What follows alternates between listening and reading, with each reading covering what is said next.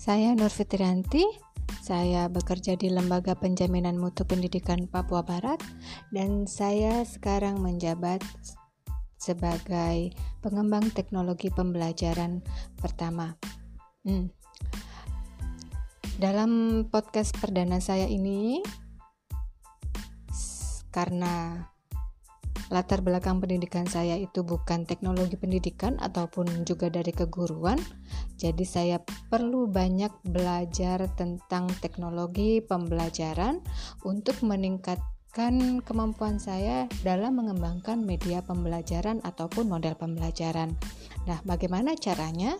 Saya mempunyai trik sendiri yaitu dengan membuat podcast ini karena kalau cuma baca aja kita nggak bisa bagi sama orang lain itu percuma ya. Daripada saya cuma baca sendiri dan teman-teman yang lain tidak mendapatkan manfaatnya, maka saya uh, saya punya ide eh gimana kalau misalnya saya itu baca tapi yang lain juga bisa ikut mendengarkan nah makanya saya buat podcast ini untuk buku pertama yang akan saya baca yaitu buku dari karya Dr. Andes Maswan MM dan Khairul Muslimin MIKOM. Uh, ini buku terbitan dari Pustaka Pelajar uh, tahunnya saya lihat dulu saya cek dulu ya tahunnya ini tahun cetakan pertama Februari 2017. Judulnya adalah Teknologi Pendidikan Penerapan Pembelajaran yang Sistematis. Nah, di sini saya bukan menganalisis tapi hanya akan membaca saja. Dan mungkin ada sih sedikit komen-komennya, tapi itu sedikit aja karena saya nggak nggak begitu paham, belum begitu paham. Saya harus mempelajari banyak dulu tentang uh, teknologi pendidikan itu sendiri. Di daftar isinya itu ada banyak bagian ya, ada uh, 13 bagian. Nah, ini cukup tebal halamannya. Ada sekitar how many ya? Sebentar ya. Oke. Okay. Ada sekitar 395 halaman. Nah, sekarang kita akan mulai di bagian pertama dulu. Bagian pertama itu adalah hakikat pendidikan bagi manusia. Di dalam bagian pertama ini ada 1, 2, 3, 4, 5, 6, 7 Ada 7 hal yang akan dibahas yaitu yang pertama apa pendidikan itu Yang kedua siapa yang harus mendapat pendidikan Ketiga, mengapa manusia perlu pendidikan? Kapan manusia mendapatkan pendidikan? Di mana manusia mendapat pendidikan? Bagaimana agar manusia mendapat pendidikan? Dan konsep pendidikan yang diharapkan. Nah, kalau menurut saya ini nih tentang 5W1H nih ya, tentang what. What is education? And then who? And then why? And then mm, when? Lalu where? and then how. Yuk kita mulai aja. Apa sih pendidikan itu? Nah, di dalam saya bacakan dulu ya bagian pengantarnya. Ini bagian pertama di pengantarnya, hakikat pendidikan bagi manusia. Teknologi pendidikan merupakan suatu proses yang kompleks dan terpadu yang melibatkan orang, prosedur, ide, peralatan, dan organisasi untuk menganalisis masalah, mencari jalan pemecahan, melaksanakan, mengevaluasi, dan mengelola pemecahan masalah yang menyangkut semua aspek belajar manusia. Dalam teknologi pendidikan, pemecahan masalah itu terjelma dalam bentuk semua sumber belajar yang didesain, dipilih, dan atau digunakan untuk keperluan belajar. Sumber-sumber belajar ini didefinisikan sebagai pesan, orang, bahan, peralatan, teknik, dan latar atau lingkungan. Itu aja uh, kalau menurut saya sih pengantarnya yang penting.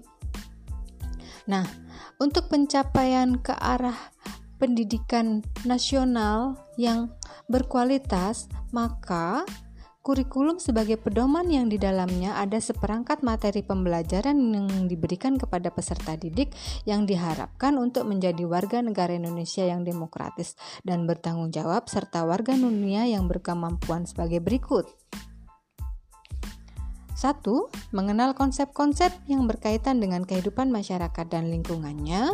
Dua, memiliki komitmen dasar untuk berpikir logis dan kritis, rasa ingin tahu, inquiry, memecahkan masalah, dan keterampilan dalam kehidupan sosial. Ketiga, memiliki komitmen dan kesadaran terhadap nilai-nilai sosial dan kemanusiaan. 4. Memiliki kemampuan berkomunikasi, bekerja sama, dan berkompetisi dalam masyarakat yang majemuk di tingkat lokal, nasional, dan global. Nah, itu pengantarnya. Lalu kita masuk ke bagian pertama. Uh, subbagian pertama ya. Subbagian pertama itu yang tentang tadi what What is education? Apa pendidikan itu? Jawaban dari pertanyaan apa pendidikan itu dapat diurai dari terminologi kata pendidikan. Asal kata didik adalah dari kata kerja mendidik berarti memelihara dan memberi latihan atau ajaran atau pimpinan mengenai akhlak dan kecerdasan pikiran. Nah, asal kata kerja ini diambil dari Kamus Besar Bahasa Indonesia tahun 2002 yang berarti satu hasil mendidik, dua yang dididik, dan tiga cara mendidik.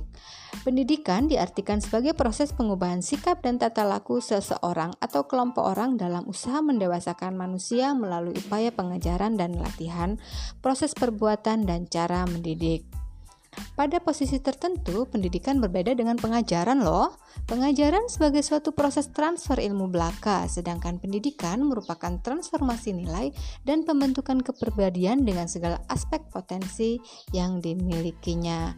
Nah, secara psikis, setiap manusia yang lahir ke dunia mempunyai potensi dasar yang dibawanya yaitu Pertama, potensi penginderaan berupa penglihatan, pendengaran, penciuman, pencecapan, dan perabaan. Kedua, potensi pikiran. Ketiga, potensi karsa. Empat, potensi cipta. Lima, potensi karya. Dan enam, potensi budi nurani atau hati nurani. Oke, kita lanjut ke bagian subbagian kedua. Siapa yang harus mendapatkan pendidikan? Who Pertanyaan siapa yang harus dididik? Jawabannya adalah semua manusia dong. Manusia yang terlahir ke dunia ini berhak mendapatkan pendidikan. Dalam kerangka sistem pendidikan nasional Indonesia, maka yang berhak mendapat pendidikan adalah seluruh bangsa Indonesia tanpa terkecuali dari Sabang sampai Merauke ya. Pengertian siapa yang harus dididik dalam dalam konsep pendidikan nasional lebih ditekankan kepada manusia sejak lahir sampai masa usia sekolah sebagai generasi penerus estafet kepemimpinan bangsa. Dalam Undang-Undang Dasar 1945 telah disebutkan bahwa setiap warga negara berhak mendapatkan pendidikan yang layak. Hmm, jadi kita warga di Papua Barat juga harus juga berhak mendapatkan pendidikan yang layak. Kapan? Ya, harus tetap berjuang. Uh, kita lanjut ya setelah tadi uh, siapa yang harus mendapatkan pendidikan dan jawabannya adalah manusia. Manusia di mana ya seluruh Indonesia, warga negara Indonesia. Nah, lalu mengapa manusia perlu pendidikan? Jawaban pertanyaan ini adalah karena manusia dengan perangkat potensi yang dimilikinya tidak akan dapat tumbuh dan berkembang kalau tidak dididik dan dilatih. Kita lihat saja toh bayi-bayi itu bagaimana ya kan kalau mereka punya tangan, punya kaki, punya mata dan segala yang dimilikinya yang sudah diberikan Tuhan, tapi kalau tidak dididik dan tidak dilatih, apa iya bisa ngomong? Buktinya kalau ya buktinya sederhana aja ya. Kalau misalnya bayi di Indonesia mungkin bayi di, berbeda dengan bayi di Amerika. Bayi Indonesia yang ngomongnya bahasa Indonesia. Bayi di Amerika yang ngomongnya bahasa Inggris. Nah gitu. Itu sih sederhananya. Nah selanjutnya itu tadi komentar-komentar saya aja ya Nah, ini saya lanjut membacanya. Cara mendewasakannya dengan dilatih dan diajari berbagai bidang ilmu pengetahuan dan keterampilan. Pendidikan dalam konsep yang sangat luas adalah memberdayakan segala potensi yang dimiliki manusia, baik secara jasmani dan rohani. Pemberdayaannya dengan berbagai pola, teknik, cara pendekatan, alat dan sarana yang khas dan sesuai dengan perangkat yang dibangun dan dikembangkannya. Itu kenapa manusia perlu mendapatkan pendidikan. Ya, itu kalau menurut saya juga sih kenapa kita perlu pendidikan supaya kita mendapatkan penghidupan yang layak kelak loh ya. Nah, oke, okay. kita lanjut ke bagian ke sebagian berikutnya yaitu kapan manusia mendapatkan pendidikan. Jawaban pertanyaan ini adalah bahwa pendidikan dilakukan sepanjang hayat. Jadi dari dia masih ada di dalam kandungan sampai dia ya pokoknya sepanjang hayat. Bahkan pada saat kehidupan di alam rahim ibu sekalipun, nah ini versi bacaannya, manusia sudah mendapatkan pendidikan dari aktivitas dan perilaku orang tuanya. Perilaku orang tuanya ya, berarti ibu dan bapaknya, bukan ibunya saja. Oke. Manusia mendapat pendidikan seumur hidup baik di lingkungan keluarga, yaitu lingkungan informal, di sekolah, lingkungan formal dan di masyarakat juga, itu non formal. Di mana manusia mendapat pendidikan? Nah, jawaban dari pertanyaan sebagian ini adalah bahwa pendidikan dilakukan di mana saja manusia dapat belajar di segala tempat. Pertama, anak mulai mendapatkan pendidikan adalah di dalam lingkungan keluarga yang sering disebut dengan pendidikan informal.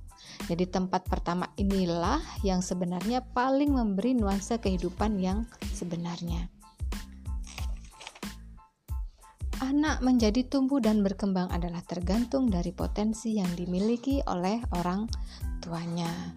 Kedua adalah lingkungan masyarakatnya, tempat di mana ia hidup dan ikut menentukan kekuatan kepribadian, sikap, keterampilan, mental, dan ilmu pengetahuan. Tempat yang ketiga adalah lembaga pendidikan formal sekolah. Nah, di lembaga ini manusia akan mendapatkan berbagai macam ilmu dan pengetahuan sesuai dengan jenjang dan spesialisasi di mana anak sekolah. Kita lanjut ke bagian subbagian yang keenam yaitu bagaimana agar manusia mendapatkan pendidikan. Jawaban dari pertanyaan ini adalah kita harus membangun sistem pendidikan nasional secara komprehensif dan profesional dalam aspek kuantitatif agar semua warga negara yang masih pantas terdidik di lembaga pendidikan formal dapat merasakan nikmatnya sekolah dan dari segi kualitas atau mutu harus terus menarik uh, harus terus menerus dicari pola pengelolaannya. Hmm, oke. Okay. Sekarang tentang untuk menghasilkan mutu pendidikan. Nah, bagaimana sih caranya untuk menghasilkan mutu pendidikan? Nah, di sini dituliskan menurut Selamat tahun 1999 terdapat empat keinginan mendasar yang harus dilakukan oleh suatu lembaga pendidikan, yaitu satu, menciptakan situasi menang-menang atau win-win solution dan bukan situasi kalah menang di antara pihak yang berkepentingan dengan lembaga pendidikan. Kedua, perlunya ditumbuh kembangkan adanya motivasi intrinsik. Aduh, sudah sarjana masih susah juga ya baca intrinsik. Ah, pada setiap um, perlu ditumbuh kembangkannya adanya motivasi intrinsik pada setiap orang yang terlibat dalam proses meraih mutu. Ketiga, setiap pimpinan harus berorientasi pada proses dan hasil jangka panjang. Penerapan manajemen mutu terpadu dalam pendidikan bukanlah suatu proses perubahan jangka pendek, tetapi usaha jangka panjang yang konsisten dan terus-menerus. Keempat, dalam menyelenggarakan segala kemampuan lembaga pendidikan, Untuk mencapai mutu yang ditetapkan, harus dikembangkan adanya kerjasama antar unsur-unsur pelaku dalam proses pencapaian hasil yang diharapkan. Kita adalah satu kesatuan yang harus bekerja sama dan tidak dapat dipisahkan satu sama lain untuk menghasilkan sesuatu yang diharapkan. Jadi, janganlah di antara kita terjadi persaingan yang mengganggu proses pencapaian hasil tersebut, apalagi kalau misalnya mendahulukan kepentingan kepribadi. Aduh, jangan deh, jangan sampai terjadi seperti itu dalam dunia pendidikan ya. Nah, Selanjutnya yaitu layanan pendidikan terdiri dari berbagai unsur. Nah, paling tidak ada empat kelompok. Ini menurut Salis tahun 1993. Pertama, anak yang belajar. Ya, itu dari anak TK sampai mahasiswa itu adalah anak yang belajar ya. Kedua, para, para klien terkait dengan orang yang mengirimnya ke lembaga pendidikan yaitu orang tua atau lembaga tempat klien tersebut bekerja. Ketiga, bersifat tersier adalah lapangan kerja, bisa pemerintah maupun masyarakat sebagai pengguna dari output pendidikan. Keempat, bersifat kelembagaan yaitu berasal dari intern lembaga. Mereka itu adalah para guru, dosen atau tutor dan tenaga administrasi lembaga pendidikan serta pimpinan lembaga pendidikan. Nah, seperti disebut di atas bahwa program peningkatan mutu harus berorientasi pada kebutuhan dan harapan pelanggan. Maka, layanan pendang, pelayanan pendidikan suatu lembaga haruslah memperhatikan masing-masing pelanggan di atas. Nah, nah kita sudah memasuki ke bagian yang terakhir yaitu konsep pendidikan yang diharapkan. Apa sih konsep pendidikan yang diharapkan untuk menjamin uh, mutu pendidikan? Nah, konsep pendidikan yang dikembangkan saat ini idealnya adalah menurut buku ini ya, menurut menurut Dr. Andes Maswan dan Khairul Muslimin ini adalah satu Pendidikan pada hakikatnya merupakan kegiatan yang dilakukan oleh peserta didik yang berakibat berakibat terjadinya perubahan pada dirinya pribadi. Prinsip ini mengandung arti bahwa yang harus diutamakan adalah kegiatan-kegiatan peserta didik dan bukannya sesuatu yang diberikan kepada peserta didik. Kedua, pendidikan adalah proses yang berlangsung seumur hidup. Konsep dasar pendidikan ini jika diruntun dari prosesnya, maka tidak cukup di lembaga formal sekolah saja, tetapi justru yang banyak waktu luang peserta didik saat berada di rumah dan di masyarakat yang kita sering sebut dengan lembaga pendidikan informal dan pendidikan non-formal. Ketiga, pendidikan berlangsung kapan dan di mana saja. Konsep dasar pendidikan ini, jika kita berpikir sistem, maka kurikulum pendidikan informal, pendidikan di dalam keluarga, dan kurikulum pendidikan non-formal, pendidikan di dalam masyarakat, harus dirancang dan disusun untuk dilaksanakan oleh lembaga yang menangani pendidikan tersebut ya kapan dan di mana saja seperti saat ini ya kapan dan di mana saja Keempat, pendidikan berlangsung secara mandiri atau independen dan dapat berjalan secara efektif apabila dilakukan pengawasan dan penilaian. Kelima, pendidikan dapat berlangsung secara efektif baik dalam kelompok yang homogen, heterogen, dan perseorangan.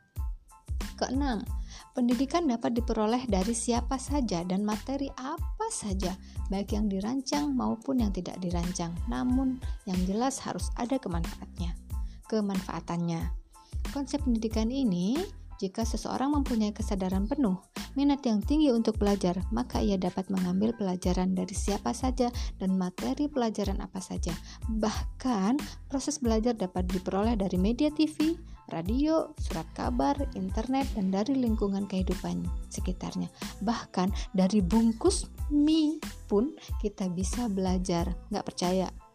Beli dulu mie-nya, lalu baca semua teks yang ter, yang ada dalam bungkus mie tersebut. Maka pasti akan belajar. Nah, dengan melihat proses pendidikan yang demikian dapat dikemas dalam ruang lingkup yang luas, maka kehadiran media, alat, strategi, metodologi, metodologi dan teknologi pendidikan sangat diperlukan dalam konsep dasar pendidikan modern. Nah, itu saja untuk bagian yang pertama. Kita akan bagian uh, kita akan lanjutkan ke bagian kedua. Tapi kita harus istirahat dulu, kita break dulu. Terima kasih sudah mendengarkan. Kita akan lanjut ke uh, saya akan lanjut ke bagian 2 tapi kita harus break dulu. Oke, terima kasih dan sampai jumpa di bagian kedua. Saya Nur Fitrianti. Dah.